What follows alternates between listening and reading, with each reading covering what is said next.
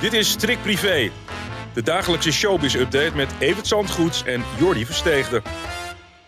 Was jij gisteravond eigenlijk wel uitgenodigd bij het Radio Ring Gala, Evert? Nou, ik geloof dat ik wel wat voorbij zag komen. Maar ja, die, die radioring, het is toch echt het ondergeschoven kindje. Er wordt wel campagne gevoerd en er zijn winnaars uiteindelijk. Maar wie en wat en waarom. En, en waarom weer dezelfde. En, en nou een keer wat andere, geloof ik. Het, is, het, het leeft niet heel erg. Maar ik word in deze periode van het jaar ook doodmoe van alle prijzen die worden uitgereikt. In elke branche, in elke, op elk gebied is er wel een prijs te winnen. En uh, je houdt het bijna niet bij. Maar Rob van Zomeren, hartstikke terecht. Want het is een, uh, een leuke radiomaker, vind ik. Radio 10 hè, maakt hij zijn middagshow voor. Ook beste presentator geworden. Er was ook een categorie voor beste podcast. Maar wij waren niet eens genomineerd. Dat vind ik Ja, bedoel ik. Daarom we moeten er ook verder niet op doorgaan. maar wel een puntje voor de organisatie. Nou ja, Jan Smit die uh, hangt denk ik nog ergens in een Volendamse kroeg. Want die, die heeft er gisteren voor gezorgd dat het knetterde daar in de arena. Ja, het kost iemand zijn baan, maar uh, Jan, Jan Smit heeft wat te vieren. En ja, het was toch ook wel een prestatie van zijn FC Volendam. Dus ja, uh, ja ik reed rond die tijd langs de arena. Wat komen daar toch een hoop mensen uit als dat afgelopen is. Dat is echt niet normaal. Wat, dat, wat 40.000, 50.000 mensen bij elkaar in auto's uh, voor, voor een verkeer zorgen. Ja, het is een hele prestatie, maar ja, Ajax heeft wel een probleempje, geloof ik. Ja, ik geloof het ook. Nou ja, goed. Ik kom liever in de arena als de toppers daar weer staan. Ik hoop deze zomer. Nou, over toppers gesproken, Tino Martin, een echte topper, die blaast vandaag 39 kaarsjes uit. Moet je nagaan wat een feest dat volgend jaar wordt. Ja. En, uh, ja, Tino Martin toch wel de grote ster van dit moment. En dat eigenlijk zonder een al te veel grote hits te hebben. Maar ja, dat kan. Je kan ongelooflijk veel succes hebben in het land. En tot de best, meest geboekte artiesten van het land horen. Zonder dat iedereen zegt, oh, dat is die zanger van dit en van dat. En mm -hmm. ja, dat zie je ook aan Dries Hulvink. Die natuurlijk ja. zijn uh, ik, kom, ik kom eraan uh, inzet wanneer die opkomt.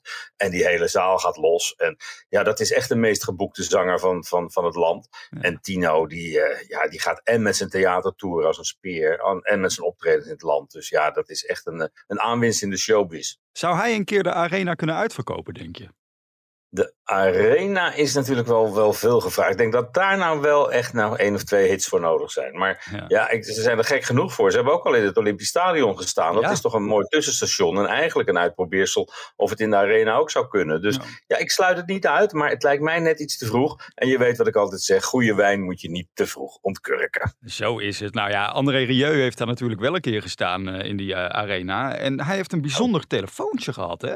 Ja, van de koning van Bahrein. En Bahrein is een van die golfstaten die, die, die, die schat hemeltje rijk ja. geworden zijn met, met olie natuurlijk. Die ook stadions bouwen en, en, weet ik veel allemaal. Het grootste, een van de grootste F1, Formule 1 circuits is in Bahrein te vinden. En ook een stadion waar binnenkort dus André Rieu gaat optreden. Wow. Volgende maand al. En de koning van Bahrein.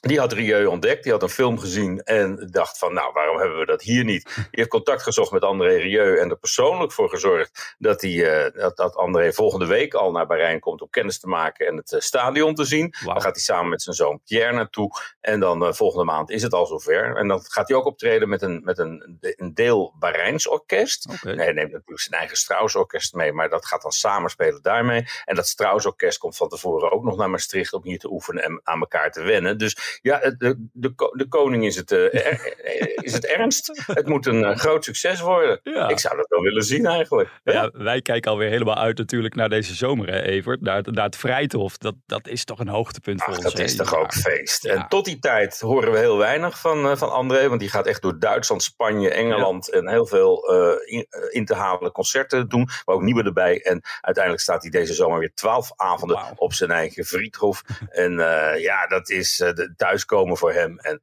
toch wel het hoogtepunt van het jaar volgens mij. Want ja, André en, en Maastricht horen natuurlijk bij elkaar als uh, een peper- en zoutstelletje. Zo is het. Nou, wiens uh, wereldtournee er alweer op zit, is die van Gordon. Want ik dacht, die gaat de hele wereld over het komende jaar. Hij miste zijn hondje, we schopen even binnen. ja, als hij op wereldreis gaat, dan wordt dat aangekondigd. Maar ja. als hij gewoon op vakantie gaat, niet. Maar die gewone vakanties, die duren langer dan zijn hele wereldreis. Want hij is inmiddels ook weer, heeft hij aangekondigd, naar huis te gaan. Carpe diem wat heerlijk dat ik heb, dit heb kunnen doen. En dit pakt niemand mij meer af. Maar uiteindelijk is hij op drie plekken geweest. Nou, en nou. eh, dat allemaal op het zuidelijk halfrond. En van die hele wereldreis is niks terechtgekomen. Maar ja, dat is Gordon. Veranderlijk als de dag. En fijn dat je dat kan doen. Dat je gewoon denkt van ik zeg alles af, ik ga naar huis. Eh, Ja. Daar is hij nu herenigd met Toto. En hij heeft zijn huizen in Kaapstad en Amsterdam-Noord verkocht. Hè? Dus dan heeft hij nu alleen nog dat huis in Dubai, neem ik aan.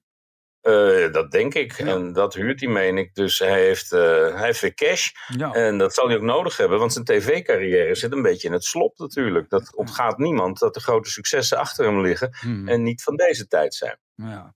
Wie ook eh, meerdere huizen te verdelen hebben, eh, zijn Humberto Tan en zijn vrouw, eh, nou ja, ex moeten we inmiddels zeggen, Ineke. Hè? Die zijn daarmee bezig, geloof ik, met wie wat krijgt. Ja, en dan te bedenken dat er in Amsterdam-Zuid, waar ze wonen, gefluisterd werd van... ja, zou die wel goed voor de zorgen, want ze zijn niet getrouwd. Nou, wat Ja. ze de afgelopen jaren hebben gedaan, ze zijn 30 jaar samen geweest... is het verzamelen van huizen.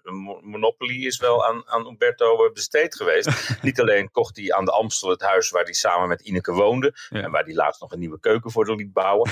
En, eh, maar ook nog twee huizen als belegging. Die kocht hij voor, t- voor 9 ton per stuk. Die zijn inmiddels een stuk meer waard geworden. En al met al eh, staat er op hun beide naam eh, voor zo'n 4,2 miljoen euro aan, aan onroerend goed. Zo. En ook al zijn ze niet getrouwd, het feit dat die huizen op hun beide naam staan, is toch dat zij uitgekocht zal moeten worden. Ja. Dus de vraag of hij wel goed voor haar gaat zorgen, die is bij deze beantwoord. Kijk, nou ja, dat je gewoon normaal met je ex kan omgaan, bewijst ook Montana Meiland. Want eh, Dirk is eh, van de week gewoon nog meekomen klussen in haar nieuwe huis. Nou, en, en, en, en Dirk is helemaal aan het trainen. En ik zag foto's of filmpjes voorbij komen van hemzelf op de sportschool. En Ja. nou staat hij te trainen. Dus ja, het is aan de ene kant eh, is, is, is hij Montana nog niet vergeten.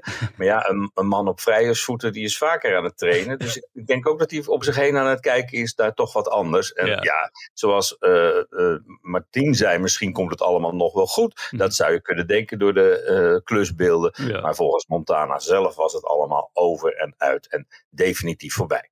Op 27 februari, dan start het nieuwe seizoen van Chateau Meiland. Nou, ik kan er echt eh, nu al naar uitkijken, want eh, ik heb ze weer even gemist de afgelopen week. Op Ja, het zit toch op de gieren. Ja. dat, dat, dat, pension, wat nu nog een half pension is, Ja, dat, eh, dat, dat, dat is weer het decor van een nieuwe reeks met nieuwe ontwikkelingen. ja. Ja, die mensen blijven klussen. Je zou er toch een punt over krijgen op een gegeven moment. Dat je altijd maar in de troep en het stof zit. En, en, maar hij kijkt naar een muur en, Ja. en denkt van... Oh, daar moet een deur in of zo. En, of een trap. Oh, wat dan... Ja, en, en dan wordt hij weer helemaal enthousiast. Heerlijk. Nou, goed. Nog meer zin in 27 februari. En waar ik ook heel veel zin in heb, is om op deze manier natuurlijk de week weer af te gaan sluiten. Eventjes aan Evert vragen, dat lijkt me echt een goed plan. Een vraag aan de privéman. Ja, Merel dacht dat zeker. Dat is een goed plan. Die zat vorige week te luisteren en die dacht, ja, als Evert dus stopt als hoofdredacteur van Privé, wil hij eventueel wel nog biografieën gaan lezen. Ja, en dat zei ik. Ja, Ja, dat- schrijven misschien. Ja, precies. En dat is de vraag van Merel. Van welke BN'er zou jij dan nog wel een biografie willen schrijven?